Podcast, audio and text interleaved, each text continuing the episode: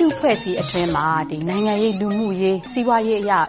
နာမည်ရနေတဲ့ အောင်မြင်ထင်ရှားတဲ့ အမျိုးသမီးတွေအကြောင်းကို ပြောကြမယ်။အမျိုးသမီးအဖွဲ့အစည်းတွေအကြောင်းကို ပြောကြမယ်ဆိုရင်တော့ လေးကျွန်းသူဖောင်ဒေးရှင်းဆိုတဲ့ ပရဟိတ အလှူရှင်များအဖွဲ့ရဲ့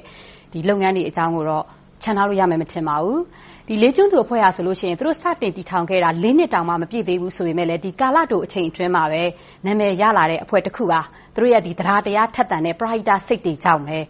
နိုင်ငံကတောင် ဂုဏ်ပြုရတဲ့ သာသနာ့နှုတ်ကပဘွဲ့ဆောင် လေးကျွန်းသူတွေဖြစ်လာခဲ့တာပါ။ဆွံ့အနားမကြား ကလေးငယ်တွေကို ကူညီပေးတာကစလို့ ရေဘေးကူညီကယ်ဆယ်ရေး၊ပြန်လည်ထူထောင်ရေးနဲ့ စာသင်တိုက်ကျောင်းဆောင် ဆောက်လုပ်လှူဒါန်းမှုတွေအဆုံး အလှူရေစက် လက်နဲ့မကွာ ရက်ရောပေးကမ်း လှူဒါန်းလာခဲ့တာနှစ်နီးပါး ရှိလာပြီလို့ လေးကျွန်းသူတွေက ပြောပါတယ်။မြန်မာ့လူမှုအဖွဲ့အစည်းအတွင်း အကူအညီလိုအပ်တဲ့နေရာတွေကို ကိုယ်တိုင်ကိုယ်ကျ သွားရောက်လှူဒါန်းတာတွေ လုပ်ဆောင်ခဲ့တယ်လို့ လေးကျွန်းသူ ဦးဆောင်အဖွဲ့ဝင်တွေက ပြောပါတယ်။ ၂၀၁၅သြ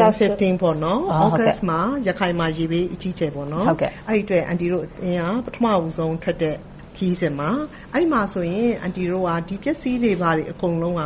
လေယာဉ်ပျံနဲ့သယ်ရတယ်။လေယာဉ်ပျံနဲ့ဒီဥစ္စာတွေအကုန်ပို့တယ်။ပို့ပြီးရင်သင်္ဘောမော်တော်နဲ့တန်း။ပြီးရင်မော်တော်မဝင်နိုင်တဲ့နေရာဆိုရင်လှေနဲ့ပါ။ ပြီးရင်ခြေကျင်ကလည်းလျှောက်ရသေးတယ်။ရွာတွေထဲကို။ဒီလောက်ဒုက္ခရောက်နေတာကိုတောင်မှသူတို့ကအန်တီတို့လာတာကိုအရမ်းကိုရင်ထဲမှာနွေးထွေးတာပေါ့။ပြည်မကလူတွေသူတို့စိတ်ထဲမှာအားငယ်နေတာ။အန်တီတို့ရဲ့ပရဟိတအလုပ်တွေထဲမှာရခိုင်ခရီးစဉ်ကလည်းမှတ်မှတ်ရရတခုလို့ပြောရမှာပေါ့။အဲဒီလထဲမှာပဲဧရာဝတီတိုင်းကိုသွားတယ်။နောက်မကွေးတိုင်း။မကွေးတိုင်းကတော့အောင်လံကိုဆန်အိတ်တွေ လှူလိုက်တာပေါ့။အန်တီတို့အသင်းထဲမှာပါတဲ့အောင်လံသူတွေရှိတယ်။သူတို့ဒေသမှာလည်းမကြုံစဖူးမြန်မာနိုင်ငံအလယ်ပိုင်းဖြစ်ပြီးတော့ရေဘေးဒုက္ခ။အဲဒါလည်းလှူတယ်။နောက်ပြီးတော့အခုနပြောသွားတဲ့ဧရာဝတီတိုင်း။ဧရာဝတီတိုင်းဆိုဟင်္သာတအုပ်စုတကယ့်ကိုရေဘေးသင့်တဲ့ကျေးရွာတွေအထိကို အကုန်လုံးဘုန်းကြီးကျောင်းကအစရပ်ကွက်အကုန်လုံးကြို။အဲဒီတော့အန်တီတို့ Shelter တွေလှူဖြစ်တယ်။အဲဒီကစာသင်ကျောင်းတကျောင်းကိုအသစ်လှူလိုက်တယ်။ဘာဖြစ်လို့လဲဆိုတော့သူတို့ကဘုန်းကြီးကျောင်းမှာဘုန်းကြီးကျောင်းတောင်ပြိုတော့မယ်။အကုန်တက်စုပြီးတော့အဲဒီမှာနေကြတယ်။သူတို့မှာနေစရာမရှိဘူး။အဲဒီတော့စာသင်ကျောင်းလေးတခုလှူလိုက်တယ်။ရေကျသွားတဲ့အချိန်ကြရင်စာသင်ကျောင်း။အခုလိုမျိုးရေတက်တဲ့အချိန်ကြတော့သူတို့ရဲ့နားခိုရာ Shelter လေးဖြစ်သွားတယ်။အဲဒီလိုမျိုးဧရာဝတီမှာနှစ်ခုလှူတယ်။နောက်ရန်ကုန်တိုင်းနဲ့အဖျောက်မှာတကျောင်းအသစ်ထပ်လှူတယ်။ လူ့အဖွဲ့အစည်းအတွင်းက ပညာရေး၊ကျန်းမာရေး လိုအပ်တဲ့နေရာတွေမှာ လက်လှမ်းမီသမျှ အကူအညီတွေ ပေးနိုင်ဖို့ ကြိုးပမ်းခဲ့ကြသလို၊တခြားသော ပရဟိတအဖွဲ့တွေနဲ့လည်း လက်တွဲလုပ်ဆောင်ခဲ့တာ ဖြစ်ပါတယ်။ဒီလို ပရဟိတလုပ်ငန်းတွေ လုပ်ဆောင်နေတဲ့ အမျိုးသမီးတွေအနေနဲ့ လေးကျွန်းသူတွေရယ်လို့ ဘယ်လို စတင်ဖြစ်လာခဲ့တာပါလဲ။အန်တီတို့က လေးကျွန်းသူဖောင်ဒေးရှင်း စပြီးဖြစ်လာတာကတော့ ကမ္ဘာအေးကုန်းမြင့်မှာ မဟာသန္တလိုဏ်ဂူတော်ကြီးရဲ့ဖွားဘက်တော်အဆောင်ကြီးလေးဆောင်ကိုအန်တီတို့ကစပြီးပြင်ရတယ်။ပြင်ဆင်ခွင့်ရတဲ့အချိန်မှာသိန်းနှစ်ထောင်ကျော်ကိုအန်တီတို့ကလှူဒါန်းနိုင်တယ်။အဲဒီတုန်းကလေးကျွန်းသူအဖွဲ့ဆိုတာမရှိသေးပါဘူး။အဲဒီပြီးတဲ့အချိန်မှာအန်တီတို့ဒီအဖွဲ့ကပရဟိတ အဖွဲ့လေးတခုလုပ်ဖို့အစီအစဉ်ရှိတာနဲ့ဒီရဲ့နာမည်ကိုပဲအန်တီတို့ယူလိုက်တာပါ။အန်တီတို့အသင်းအဖွဲ့ကဒီမိုကရေစီအသင်းပေါ့။အန်တီတို့မှာတခုခုလုပ်မယ်ဆိုရင်အများဆန္ဒနဲ့ဆုံးဖြတ်ကြတယ်။အဲဒီတော့ဒါလုပ်မယ်ဆိုရင်ဒါလုပ်ချင်တဲ့လူတွေကလည်းရှိတယ်။အဲဒီတော့အန်တီတို့ကဘာပဲဖြစ်ဖြစ်ဒီမိုကရေစီဆန်တဲ့အတွက်သာသနာရေးလည်းလုပ်မယ်။ပရဟိတလည်းလုပ်မယ်ဆိုတာဖြစ်သွားပါတယ်။ ဘာသာ သာသနာ အကျိုးပြုလုပ်ငန်းတွေ လုပ်ဆောင်ရင်း စတင်စုဝေးမိခဲ့ကြတာ ဖြစ်ပေမယ့်လို့ နောက်ပိုင်းမှာတော့ လူမှုအသိုင်းအဝိုင်းရဲ့ လိုအပ်ချက်တွေကို ကူညီဆောင်ရွက်ဖို့ လူထုအကျိုးပြု ပရဟိတအဖွဲ့အဖြစ်နဲ့ တရားဝင် အခိုင်အမာ ရပ်တည်လာခဲ့တာ ဖြစ်တယ်လို့ လေးကျွန်းသူနာယက ဒေါ်ပိုးဖြူက ပြောပါတယ်။ဘာဖြစ်လို့လဲဆိုတော့ အန်တီတို့က ဘာသာရေးလည်း တက်တက်ကြွကြွ ရှိသလို၊ကျန်တဲ့ ပရဟိတလူမှုရေး၊စီးပွားရေး၊အမျိုးသမီးတွေရဲ့ကဏ္ဍမှာလည်းအန်တီတို့ကသူတို့ကိုအတတ်နိုင်ဆုံးကူညီပံ့ပိုးပေးဖို့။နောက်ပြီးတော့နိုင်ငံတော်ရဲ့ဒီမိုကရေစီဖယ်ဒရယ်ပြည်ထောင်စုကိုပြောင်းလဲမှုမှာလည်းအန်တီတို့ကဘာပဲပြောပြောအမျိုးသမီးတွေရဲ့ကဏ္ဍ၊ကလေးသူငယ်တွေရဲ့ကဏ္ဍကိုလည်းအရေးပါတဲ့နေရာကနေပါအောင်အန်တီတို့ကကြိုးစားဆောင်ရွက်နေတာပေါ့။ စတင်ဖွဲ့စည်းချိန်မှာ အဖွဲ့ဝင် အယောက်ကျော်သာ ရှိခဲ့ပေမယ့်လဲအခုအချိန်မှာတော့ အဖွဲ့ဝင်တစ်ရာကျော်အထိ ရှိလာခဲ့ပါပြီ။စုစည်းညီညွှတ်တဲ့ ပရဟိတအဖွဲ့တခုအဖြစ် ခိုင်မာအားကောင်းလာဖို့ ဘယ်လိုစိတ်ဓါတ်မျိုးတွေနဲ့ ရပ်တည်ခဲ့ကြတာပါလဲ။ လေးကျွန်းသူဖောင်ဒေးရှင်း ဥက္ကဋ္ဌ ဒေါ်မြသီတာက သူတို့ရဲ့ စုစည်းမှုနဲ့ ပတ်သက်ပြီး အခုလို ရှင်းပြပါတယ်။အဲဒီတော့ အန်တီတို့ အဲဒါကို အချက် ချက် အဓိက မြင်တာပေါ့။ပထမတချက်က အန်တီတို့ဆီမှာပါတဲ့ အမျိုးသမီးတဦးချင်းစီရဲ့ အရည်အချင်းတွေ။သူတို့တွေကလည်း အရည်အချင်းတွေ အကုန်လုံးက Business မှာလည်း စီးပွားရေးမှာ အောင်မြင်တဲ့အမျိုးသမီးတွေ ဖြစ်တယ်။နောက်သူတို့ရဲ့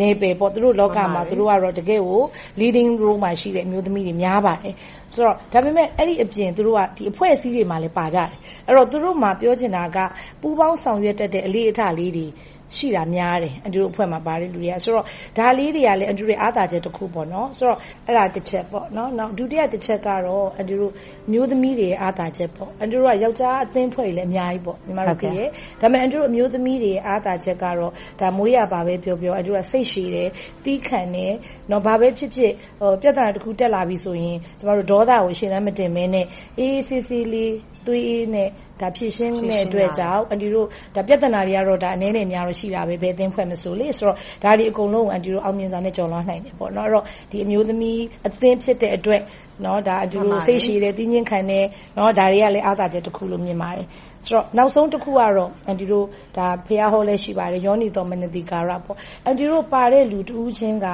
သူတို့ရဲ့ career တွေလည်းမတူဘူးသူတို့ရဲ့ background တွေမတူဘူးသူတို့ကြီးပြင်းလာတဲ့ အနေအထားတွေကတယောက်နဲ့တယောက်မတူဘူးမတူတဲ့အတွက်ဘာပဲပြောပြောအမြင်ကတော့မတူကြဘူးပေါ့နော်အမြင်မတူပေမဲ့လည်းဒီကိစ္စတစ်ခုပေါ်မှာအန်တီတို့အကောင်းမြင် နဲ့စိတ်လေးနဲ့ကြည့်လိုက်တဲ့အတွက်နောက်ဆုံးအန်တီတို့ solution ပဲဖြစ်ဖြစ် agreement ပဲဖြစ်ဖြစ်အန်တီတို့ရတာအဲ့ဒါလည်းတကယ်အရေးကြီးတယ်။ဘာပဲပြောပြောကိစ္စတစ်ခုပေါ်မှာအကောင်းမြင်မရှိရင်အားလုံးကပြဿနာကြီးပဲ။ဆိုတော့ဒါလေးကအကောင်းမြင်တယ်သူ့ဘာသူအမြင်မတူပဲသူအကောင်းမြင်လေးနဲ့ပြောတယ်။နော်အကောင်းမြင်လေးနဲ့ပြောတယ်ဆိုတော့အဲ့ဒါရ။အဲ့တော့အန်တီကတော့ဒီ main ကလေးတွေနဲ့တိန်းဟိုတော်ဟိုပါပေါ့တိန်းဟို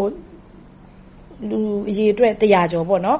member အဝိ100ကျော်အကုန်လုံးကလည်းတကယ်လုပ်ငန်းရှင်တွေအောင်မြင်နေတဲ့စီးပွားရေးလုပ်ငန်းရှင်များတယ်အားလုံးကအဲ့တော့ဒီကြားထဲမှာအန်တီတို့ team work လေးကိုမပြောက်မပြတ်နဲ့အန်တီတို့လက်တွဲသွားနိုင်တယ်ဆိုတာလေးအန်တီတို့ဒီအကြီးကအခြေခံ၃ချက်လို့အန်တီမြင်ပါတယ်သူတို့အဖွဲ့ရဲ့စူးစီးခိုင်မာမှုနဲ့လူထုအကျိုးပြုလုပ်ငန်းတွေဆောင်ရွက်နေတာကိုအနာဂတ်အမျိုးသမီးတွေအတွက်စံနမူနာတစ်ခုဖြစ်စေချင်တယ်လို့လည်းလေ့ကျင့်သူတွေကပြောပါတယ်။ကျမတို့ကဒါဒါစံပြဖြစ်ချင်တာပေါ့ အဲ့တော့ကိုယ့်ရဲ့ပတ်ဝန်းကျင်မှာရောကိုယ့်မိသားစုထဲမှာရော အန်တီတို့ကဒါကိုနိုင်ငံကိုတိုင်းပြည်ပေါ့နော်အဲ့ဒီမှာဒီလိုအမျိုးသမီးတွေရဲ့အခန်းကဏ္ဍကိုအန်တီတို့ကမြင့်တင်ကြအဲ့တော့အန်တီတို့အတင်းရဲ့ရွေချက်မှာဟိုကအန်တီတို့ကဒါဒီလိုမျိုးအမျိုးသမီးရဲ့အခန်းကဏ္ဍပို့ပြီးနေရာရဖို့တို့ဘာလို့လဲပါတယ်ဆိုတော့ကိုယ့်ရဲ့ဒီဒလိယူကဒုံနန်းစင်လာတွေကိုလည်းအန်တီတို့ထိမ့်သိမ့်နေတစ်ဖက်ကတစ်ဖက်မှာလည်းအန်တီတို့တက်အားသရွေ့အမျိုးသမီးတွေ ability ဘယ်လောက်ရှိတယ်လဲဆိုတာအန်တီတို့ကပြချင်တယ်ဒါအမျိုးသားတွေနဲ့ဒါနေရာတကာမှာရင်မောင်တန်းနိုင်နေပေါ့အန်တီတို့ဒါကာယဟိုဟို strength ကလွဲလို့ကျန်တဲ့နေရာတွေမှာအန်တီတို့အကုန်လုံးဒါရင်မောင်တက်ပြီးလုံနိုင်တယ် အန်တီတို့ရဲ့ဒါအရေးချင်းတွေ ability ဘယ်လောက်ရှိတယ်ဆိုတာလည်းအတွက်ပြခြင်းတယ် ဒီလိုမျိုးဖြစ်မှသာ အန်တီတို့နိုင်ငံမှာဒါအမျိုးသမီးက တဝက် နော်အကျော်ရှိပါတယ်အဲ့ဒီတော့သူတို့တွေရဲ့အန်တီတို့ကရှေ့ဆောင်လမ်းပြအန်တီတို့ကစံနမူနာဒါကြောင့်အန်တီတို့ဘာပဲပြောပြော role model တွေအနေနဲ့အန်တီတို့နော်နေတာထိုင်တာသွားတာလာတာအစအရင်တက်ပိုတော်ကယူဆက်ရသေးတယ်ဘာလို့ခုခေတ်ကမီဒီယာခေတ်လေဘယ်ညာဖြစ်ဖြစ်အန်တီတို့လှုပ်ရှားမှုက Facebook တွေဘာတွေအစတခါတည်း online နဲ့အချိန်နဲ့တပြေးညီတာနိုင်တဲ့အတွက်အန်တီတို့သွားတာလာတာနေတာထိုင်တာဒါပွဲတက်တာဝတ်တာစားတာအစအကုန်လုံးကိုအန်တီတို့နာနည်းနည်းလေးစင်ညာအန်တီတို့အဖွဲ့ဝင်တွေလည်းအန်တီတို့အဲ့လိုပဲ မြန်မာနိုင်ငံလူဦးရေရဲ့တဝက်လောက်ဟာအမျိုးသမီးတွေပါ။နိုင်ငံရေး၊စီးပွားရေး၊လူမှုရေးကဏ္ဍအသီးသီးမှာအောင်မြင်နေရာရနေကြတဲ့အမျိုးသမီးတွေအများအပြားရှိပေမဲ့လို့နိုင်ငံရဲ့ဦးဆောင်မှုကဏ္ဍမှာအမျိုးသမီးတွေရဲ့ပါဝင်မှုကတော့လူဦးရေနဲ့ယှဉ်လိုက်မယ်ဆိုရင်သိသိသာသာအားနည်းနေဆဲပါ။ ဒါကြောင့်မြန်မာလူအဖွဲ့အစည်းအတွင်း အမျိုးသမီးတွေရဲ့ဥဆောင်ပါဝင်မှု အခမ်းကဏ္ဍ မြင့်တင်လာအောင် သူတို့အဖွဲ့အနေနဲ့တက်ဆွမ်းသမျှ အားပေးကူညီ ဆောင်ရွက်သွားခြင်းတယ်လို့လည်း လေးကျွန်းသူဥဆောင်အဖွဲ့ဝင်တွေက ပြောပါတယ်